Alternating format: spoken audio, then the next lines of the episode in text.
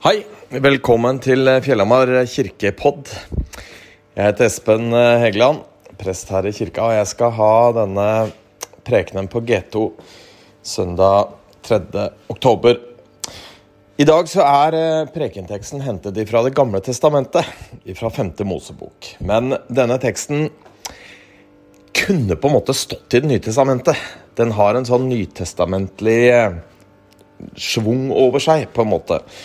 Og Paulus trekker den også fram i Det nye testamentet i sitt brev til romerne. Teksten eh, er eh, en del av Mosets sin avskjedstale fra 5. Mosebok. 5. Mosebok er mye gjentagelse av loven og paktsinngåelsen mellom Gud og folket. Den eh, inngåelsen som ble gjort med førstegenerasjonsisraelittene og Gud, og som nå på en måte gjentas for Gud annengenerasjons israelitter eh, i femte Mosebok, som eh, Moses da på en måte repeterer. Og Talene i femte Mosebok, det er fire av dem, regner vi. Eh, kapittel 30 er en del av den siste talen. Viser da, og særlig denne siste, det Moses virkelig må få sagt før han skal dra. I kapitlene etterpå i 5. Mosebok, etter vårt kapittel, så handler det mye om Josva, som skal ta over, og avskjed og død for Moses. Teksten lyder sånn Disse budene som jeg gir deg i dag, er verken ufattelige eller langt borte. De er ikke i himmelen, så du må si 'Hvem vil fare opp til himmelen for oss og hente dem ned?' så vi kan få høre dem og leve etter dem. De er heller ikke på den andre siden av havet, så du må si 'Hvem vil dra over havet for oss og hente dem?' så vi kan høre dem og leve etter dem. Nei, ordet er deg helt nær, i din munn og i ditt hjerte, så du kan leve etter det. Se, i dag har jeg lagt fram for deg livet og det gode, og døden og det onde. Jeg lurer på, hva ville du sagt til gutta dine, til gjengen din, til folka dine, om du skulle dø? Det blir kanskje litt voldsomt om jeg skal eh, legge det fram på den måten. Eh, La oss heller si, hva ville du sagt om du skulle reise bort, da? I en skikkelig lang periode. Reise fra de som sto deg nær. F.eks. dra på hytta i helga eller noe sånt.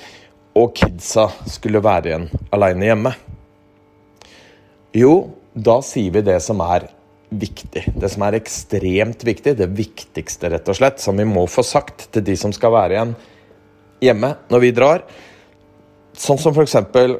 husk å vanne blomstene ta inn posten, tømme søppa osv. De, de virkelig viktige tingene her i livet. Eh, og vi skjønner alle at eh, det her er kanskje egentlig ikke så viktig. Og kanskje er det sånn at eh, det må en livsalvorlig hendelse til for at vi virkelig skal sette ord på hva som betyr noe. Hva som virkelig betyr noe, hva som virkelig er viktig i livet våre. Og overfor dem vi er glad i, dem vi bryr oss om. Altså Om noen potteplanter dør eller postkassa blir full, glemmer å ta ut søpla, det kan vi leve med. Jeg er nok ikke så god på det sjøl, tror jeg. Det å si de fine og riktige og viktige tingene. Kanskje jeg er redd for at det skal bli kleint. Men eh, som prest så har jeg ganske ofte begravelser. Og det får meg til eh, å se på, bli minna på hva som virkelig er viktig her i livet. For når man skal oppsummere livet til ens kjære, ens nære, de man er glad i, så er det gjerne de viktige tingene som kommer fram. Og Moses, han var nå i en sånn situasjon. Han visste han skulle dø. Og da blir det viktig for han å si det som eh, virkelig betyr noe. Og hva er det han da sier?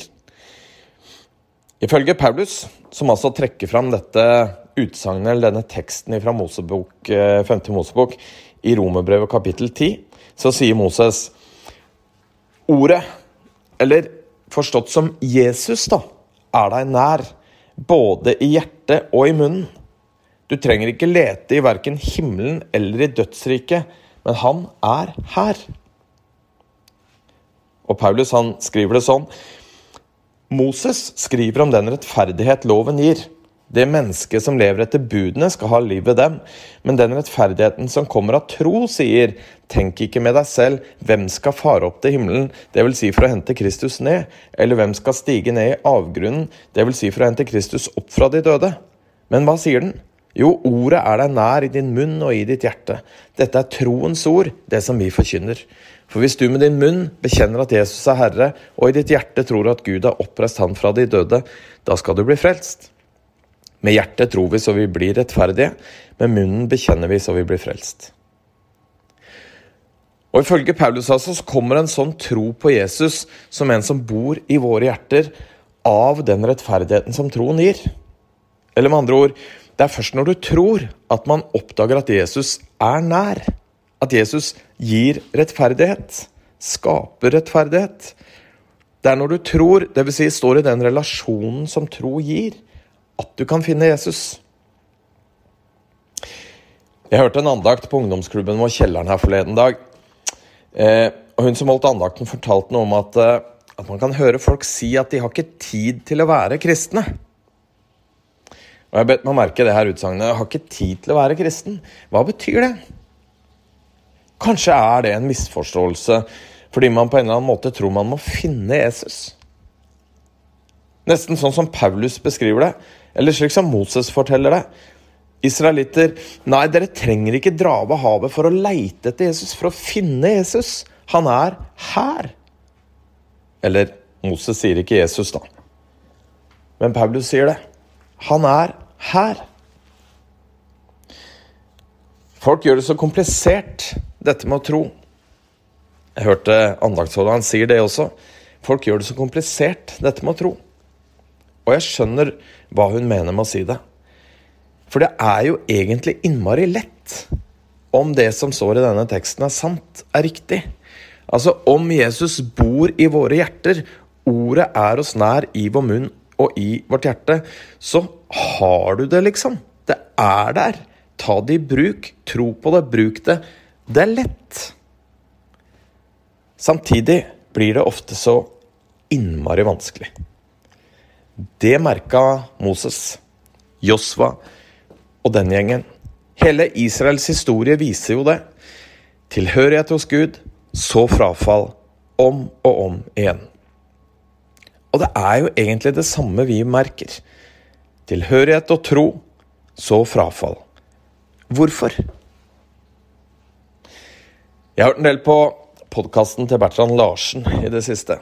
Bertrands univers, tror jeg den heter kan anbefales egentlig å høre på. Kanskje eh, er det en del bra poeng som kommer fram der. Altså, dette her med, med coaching, det må bli den beste av, utgaven av deg selv. Eh, kanskje ligger det mye der? At vi må ta tak for at det ikke skal bli frafall. På samme måte som vi må ta tak for at det ikke skal bli forfall. På en måte syns jeg det er trist om det er sånn, altså med tro. Jeg tenker at eh, ja, han kan ha rett i at det er sånn med en del andre ting i livet. Men jeg syns det er litt trist om det er sånn med tro. For tro er enkelt. Tro er gratis. Tro er en gave. Og det er på en måte trist om troens varighet er avhengig av mine skills i utholdenhet. Samtidig så skjønner jeg på en måte at det er sånn. Ingenting godt kommer av seg selv. Man må jobbe for det, kjempe for det, prioritere det. Og om det i tillegg er sånn at det finnes en djevel som ikke ønsker at vi skal tro, så er det på en måte ikke bare vår egen sløvhet som jobber imot oss, men også krefter utenfra. Så hva gjør vi? Hva råder Moses til? Hva råder Paulus til? I versene etter vår tekst så blir det enda tydeligere. Moses gjør det helt klart hvis dere vil følge min vilje, min lov, da vil det gå dere godt. Gjør dere det ikke, vil det gå dere ille. Og da er vi ganske så direkte inne på hva vi ville sagt til de vi er glad i, om vi skulle måtte dra fra dem. Eller da er vi kanskje inne i kjernen av det som er viktig, om du vil bevare troen. Følg min vilje. Følge Guds vilje. Trolig var det mye av det samme som skjedde med folk på Moses og Josvas tid, som skjer med folk i dag når det gjelder tro. Det sklir ut gradvis.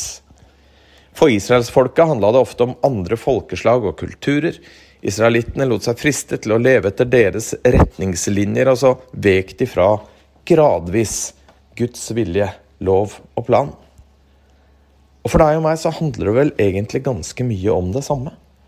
Vi lar oss gradvis prege, friste, lokkes, eller hva skal vi kalle det, av det som ikke er Guds vilje. Så finner man seg selv en tid senere, om ikke som ikke-troende, så som en som ikke finner Gud eller troen relevant i livet lenger. Og så sier Moses, i dag har jeg lagt framfor deg livet og det gode og døden og det onde. Og da blir det opp til deg og meg. Hva gjør vi så? Hva skal til for å tro? Hva skal til for å bli værende i troen? Det finnes antagelig mange svar. Men kanskje først og fremst, eller kanskje begynner svaret med i alle fall, at du og jeg må være oss dette bevisst. Det handler antagelig om en gradvis utviklende ting som skjer. Vi går ikke fra å være troende til ikke-troende nødvendigvis i én handling, i ett valg. Men det er det som gradvis skjer. Kanskje gjennom sløvhet. Kanskje gjennom grep vi ikke tar. Og når Moses skal gi sin avskjedstale til israelsfolket, så leser jeg gjennom det han sier dette må dere passe på, israelitter. Og nå er ordet dere nær. Det bor i deres hjerte og i deres munn. Det er ikke noe å streve etter. Det er ikke noe å leite etter. Men samtidig må det velges og prioriteres. Det er der. Men du må bruke det. Jeg eh, tenker særlig på én person